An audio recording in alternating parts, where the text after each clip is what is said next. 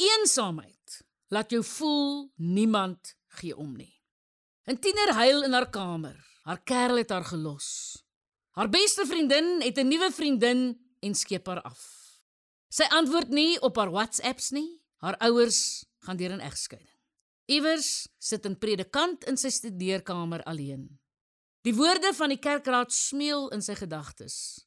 Hulle is nie meer gelukkig met hom nie. Die hulp predikant wat hy met die hand groot gemaak het, het met 'n gedeelte van die gemeente weggeloop.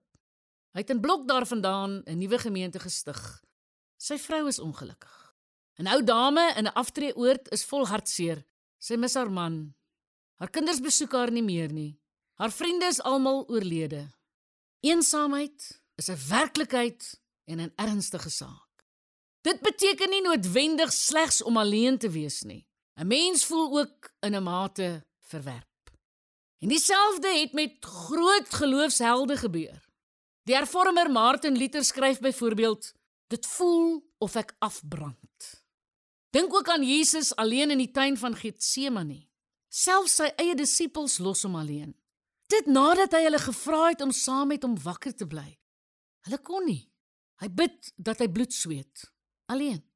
Dit is so dat talle mense uit die Bybel ook hierdie monster van verwerping moes trotseer. Dink net oor Dawid se lewe. Dit klink of hy 'n storieboek bestaan gelei het. Tog in die psalms lees ons dikwels van sy pyn. Hy voel vasgekeer en kan nie loskom nie. In een psalm skryf hy van hoe sy liggaam van die pyn en ellende krom getrek is.